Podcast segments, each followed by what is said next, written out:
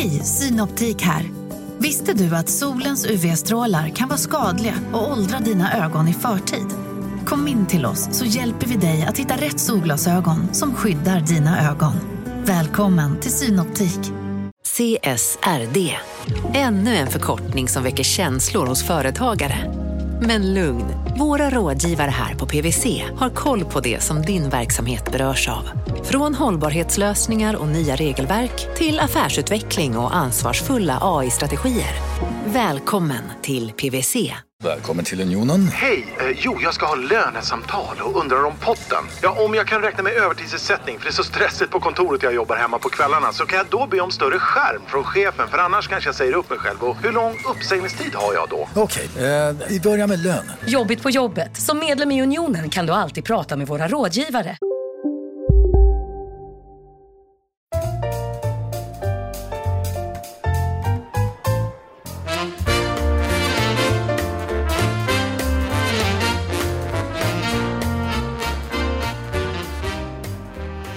Och hjärtligt välkommen till podden Affärsvärlden Magasin. Jag heter Helene Rothstein och idag så är vi på ett event och det är årets IPO. Och det här grundar sig i Affärsvärldens IPO-guide, alltså börsnoteringsguide, som granskar alla noteringar och man har investerarnas bästa för ögonen. Tanken bakom IPO-guiden som alltid finns på affärsvärlden.se det är att vara en offentlig blåslampa som eldar på aktörerna i riktning mot högre kvalitet där de sämsta exponeras och de bästa prisas. Och idag så prisas då de bästa i olika kategorier. Och vid det här eventet, årets IPO, som delas ut varje år, så ges det pris till de bästa börsnoteringarna, de bästa rådgivarna och de bästa aktielistorna.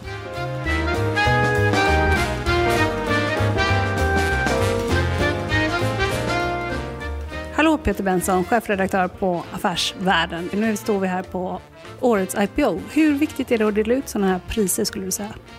Ja, men det är nog lite viktigare än man kan tro faktiskt. För att när det görs mycket börsnoteringar och det finns ett jättestort intresse från eh, privatsparare och alla möjliga för det här. Då är det viktigt att liksom skilja agnarna från vetet. Och det jobbet som IPO-guiden gör handlar om att liksom upptäcka och belysa olika typer av problematik eller flaggor eller frågetecken kring de här IPO-erna.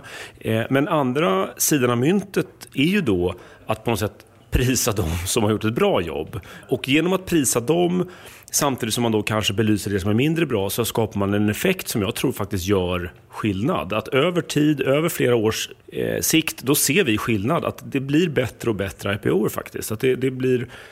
Eh, prospekten blir bättre och bättre, man, man, man adresserar de frågeställningar som vi tycker är viktigt. Så att, och, och, då tror jag att både så att säga, piskan och moroten behövs. Och flaggor ska man säga, det, det är nästan nästan, det är inte riktigt varningssignaler, men det är mer något som man ska vara uppmärksam på. Och ibland kan det vara en varningssignal. Eller hur ska man tolka de här flaggorna?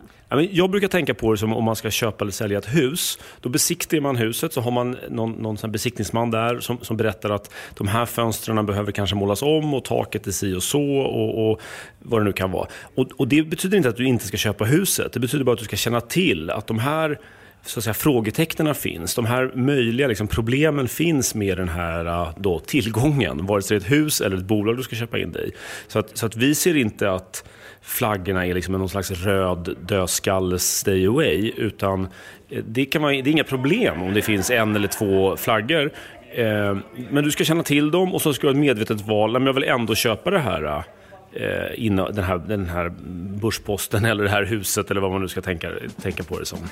De här flaggorna som vi pratar om, de är indelade i flera kategorier och det finns 25 olika flaggor på IPO-guiden. Har det till exempel varit hög emissionskostnad? Har det varit oklarhet om handelsplats eller har processen blivit försenad? Det kan också handla om prospektet där det kan finnas en kort finansiell historik till exempel. Eller så kan det också vara så att det finns eh, för de här personerna då som ingår i ledning eller i styrelse eh, så finns det då en flagga till exempel som handlar om CV med plumpar. Och för investerare så är det relevant att känna till om nyckelpersoner har ett bagage som till exempel konkurser, tvister, åtal eller liksom andra plumpar i CV-protokollet. Och Det kan också vara sådär att det finns en säljsugen storägare i förhoppningsbolag. Att bolag i tidiga skeden de kan göra nyemission för att de behöver pengarna. Om det samtidigt finns då en storägare som verkar vilja sälja egna aktier i bolaget så är det en varningsflagga. Till exempel då en kort lockup. Dels är det lite illojalt att konkurrera med bolaget om aktieköparna och dels tyder det på en klen tilltro till bolagets framtid. Så det är också ett exempel på flagga. Finns det någon eh, skräll i årets, eh, så, som du själv, kanske inte skräll, men något som du tycker att det här sticker faktiskt ut lite grann i årets IPO? Ja, men jag, jag, tycker två saker är lite intressanta. Det ena är att eh, Nasdaq, som då driver både stora Stockholmsbörsen och First North, Eh, som, och har gjort liksom den absolut största delen av alla de här eh, noteringarna under 2021. Och 2021 var ett rekordår med 150 noteringar, mest någonsin. Och Nasdaq och First North stod för den absolut största delen av det här. De kommer ganska dåligt ut om vi tittar på kursutveckling och antal flaggor. Och Det tycker jag är lite intressant. Eh, och en liknande Eh, ett liknande mönster kan man se om man tittar på en stor aktör som Carnegie till exempel, som har varit med i kanske 30, 30 noteringar, eller sådär, vilket är väldigt mycket för en, en sån här corporate finance-aktör. De kommer inte heller så bra ut. Så att eh, en liten spaning kan vara att de här eh, marknadsledarna, om vi kallar det för det, de kanske har varit lite överbelastade och inte hunnit med att säkerställa kvaliteten alla gånger. Medan de som då har lyckats bättre är de som kanske har haft mycket färre bolag. Vare sig vi pratar rådgivare eller listor. Då är snittet typiskt sett bättre, vilket är lite intressant. Vi har ju en på rådgivarsidan, Avanza. Det, det förvånar mig lite grann. Jag visste knappt att de gjorde det här, kanske Nej. man ska säga. Men, eh, men, men det förvånar mig. Ja, och det, det är också jätteintressant. För jag tror att Avanza är en typ av aktör eh, det är bolag som har ganska bra koll på läget själva. De behöver nog inte så värst mycket rådgivning. De, har, de är duktiga, de är smarta, de har mycket liksom kompetens kanske i bolaget och nära bolaget. Så då kan de välja en aktör som Avanza. Och det finns även andra som är, eh, kanske har liksom eh, inte fullt, de har liksom inte Carnegies resurser att hjälpa till med allt utan de kanske är lite mer liksom snäva. Eh, och då kanske det finns en urvalseffekt att de bolagen som är lite, lite liksom mer eh, eh, kunniga och erfarna i sig själva, de kan välja den här typen av aktörer. Så det, det är en hypotes i varje fall då, att, att det kan göra att en, ett bolag som då Idun Industrier, som det har gått väldigt bra för, de vågar så att säga välja Avanza, för de behöver inte hela det här fullservicepaketet som du får av en traditionell investmentbank. Det är en hypotes i varje fall. Mm, intressant. Ja, tack så mycket.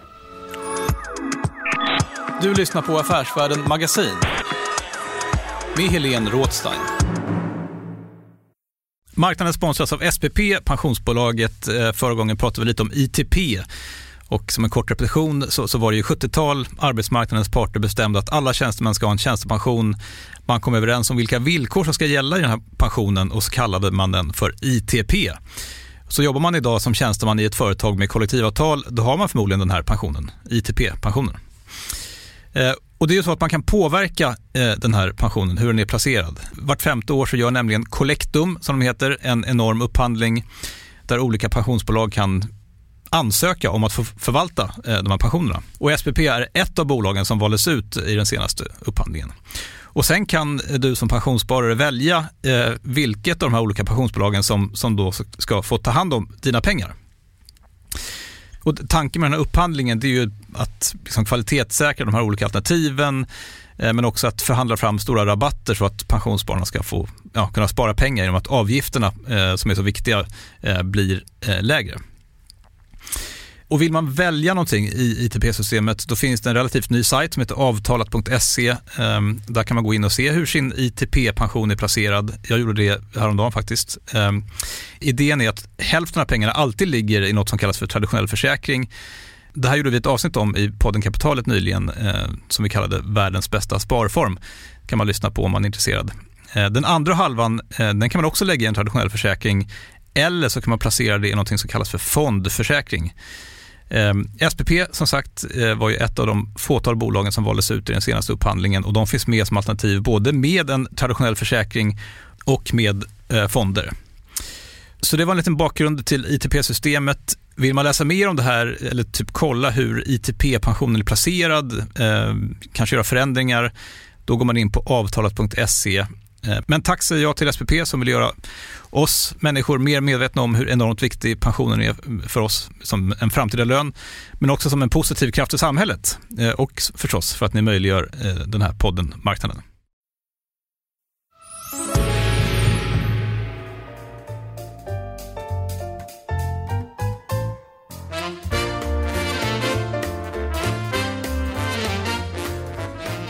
Ja, det blev storslam för Spotlight Stock Market under årets IPO och Spotlight de är också kan man ju säga medsponsor till IPO-guiden. Men man har tidigare bara kammat hem enskilda priser vid den här årliga prisceremonin. För 2021 så korades dock marknadsplatsen som bästa lista i tre klasser och det är kvalitet i klasserna småbolag och mikrobolag samt kursutveckling i klassen mikrobolag.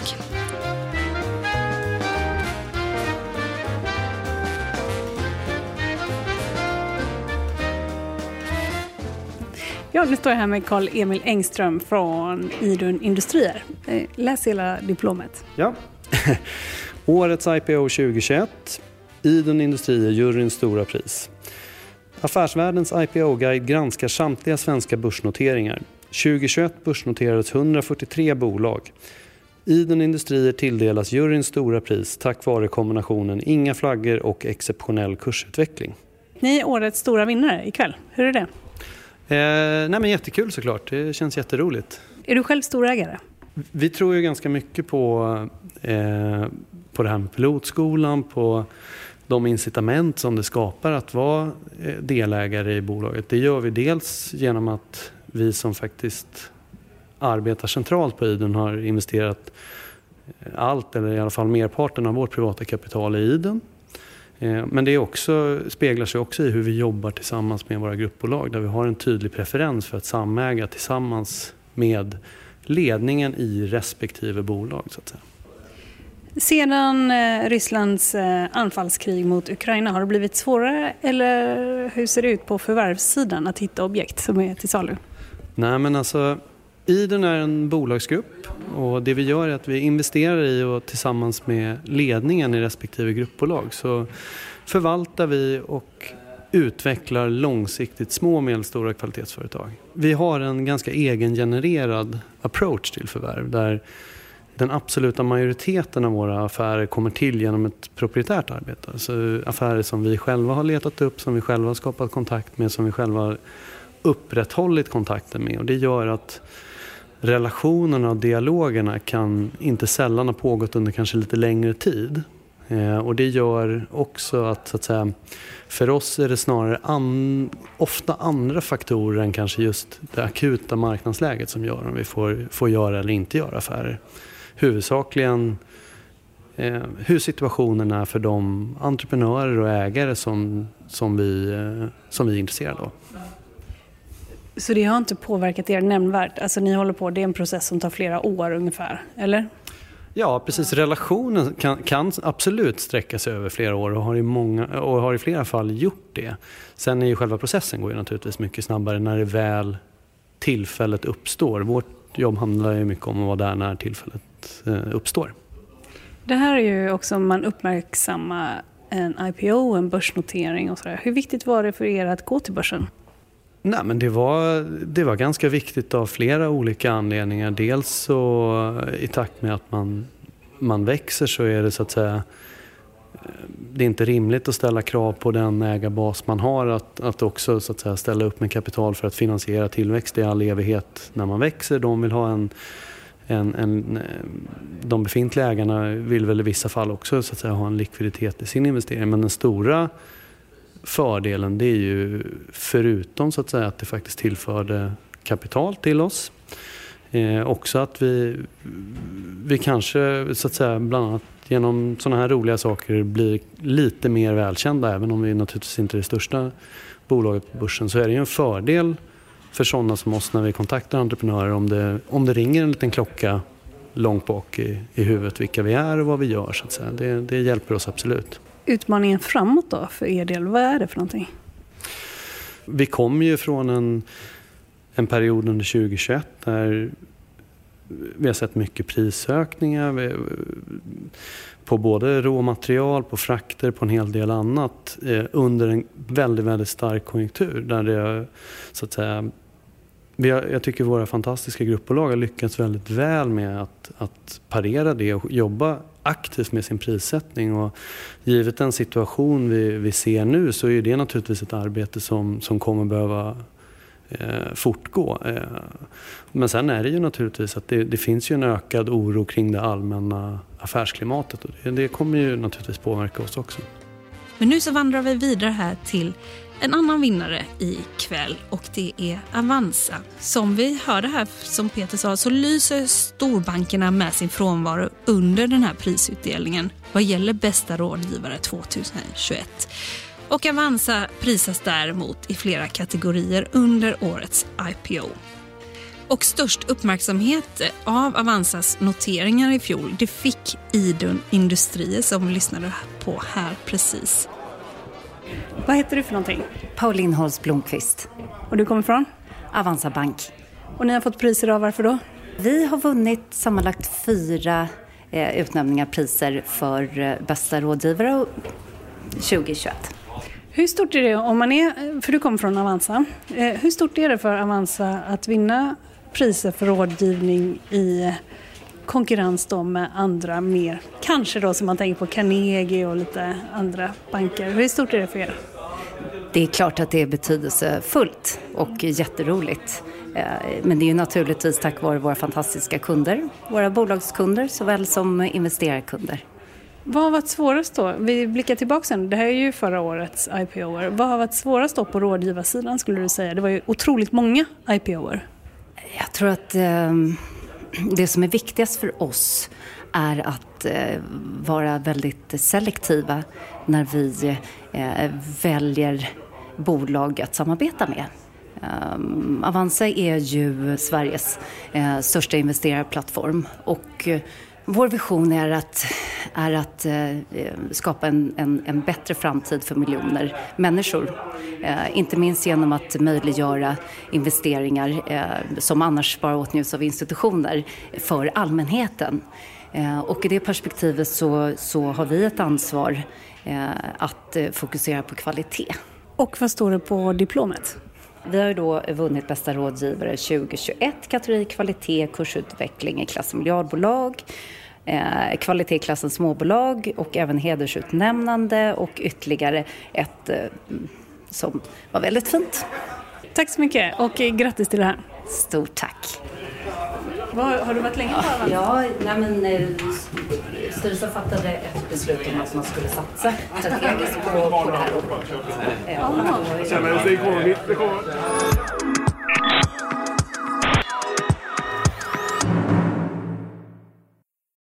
Eh, marknaden sponsras av Karla. Eh, vi pratar ju en hel del om bilar här på kontoret. Eh, karla har ju skapat, skulle jag säga, det som är standarden för hur man idag köper och säljer bilar på nätet. Kort bakgrund bara. Karla säljer och leasar begagnade elbilar och laddhybrider på karla.se. Alltså en helt digital upplevelse. Och man har gjort det här med ett nästan maniskt fokus på vad en bilköpare faktiskt behöver. Jag gjorde ju en intervju med en av grundarna, Patrik Illerstig, i marknaden här eh, ganska nyligen, eh, daterad 25 mars om man vill lyssna på den. Eh, men där berättar han hur de kom in i det här lite från vänster för att försöka uppfinna hela den här liksom bilköpupplevelsen från början. Och de har idag, vilket är rätt otroligt, 4,8 i betyg eh, på Trustpilot. Jag, jag har sett många företagssidor på Trustpilot, men det här är nog bland eh, det bästa jag någonsin sett faktiskt. Man kan sälja bilen till Karla också. Eh, då går man in på karla.se, delar lite info om bilen, sen får man en gratis värdering och ett bud. De hämtar bilen helt gratis i hela Sverige och så har man pengarna på kontot i samma stund som de hämtar bilen. Det är grymt. Eh, så ska du köpa en ny bil eller sälja din gamla, eller båda delar för den delen, gå in på karla.se och eh, kolla. Alltså karla.se och Karla stavas med C. Tack så mycket till Karla. Ja men hej, Kristoffer Kassel på checkin.com. Grattis till att du vann bästa notering 2021 i kategorin kursutveckling i klassen småbolag. Ja, det var, det var nog framförallt teamet runt om eh, bolaget som har gjort ett eh, hästjobb med eh, noteringen. Men, nej, men det är kul att det har varit en god utveckling för de som valde att teckna och vi är glada att ha mycket, mycket nya aktieägare. Så att, absolut. Är det på något sätt liksom viktigt att bli uppmärksammad för att det här var en bra IPO? Jag har tänkt på det där. Det är nog lite, det, det, är lite dubbelt. Det är klart det är väldigt roligt för teamet som, som på något sätt ett kvitto på det jobb de har gjort. Men sen vet jag egentligen inte vad det betyder för bolaget. Men, men eh, det betyder mycket för de ägarna som var med tidigt och, och, som har fått den här utvecklingen såklart. Och vi hoppas väl på att, eh, så att säga, alla våra, våra ägare ska ha bra avkastning även framöver. Kan du läsa här vad det står för motivering? Absolut. Check-in eh, Group i kategorin kursutveckling i klassen småbolag. Affärsvärldens IPO-guide granskar samtliga svenska börsnoteringar. 2021 börsnoterades 143 bolag. Från teckningskurs och framåt har Check-in Groups aktie stigit 336 procent mer än OMX30-index. Det är bäst i klassen och överstiger vida den genomsnittliga relativ avkastningen på 7% för småbolag. Kommer det fortsätta så här? Jag får nog inte uttala mig om det, men eh, vi ska göra vårt bästa i alla fall. Ja, det ska bli kul att följa. Tack. Grattis.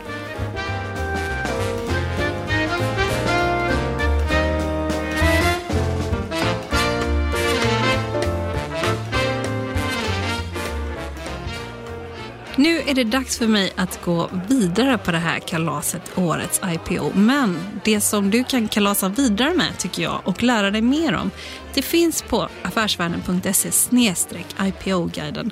Och det här är väldigt intressant och bra för alla som är börsintresserade. För du kan följa nya bolag som kommer till börsen nu, relativt nya bolag som har noterat sig och se hur de har gått, vilka rådgivare de har använt sig av och så vidare.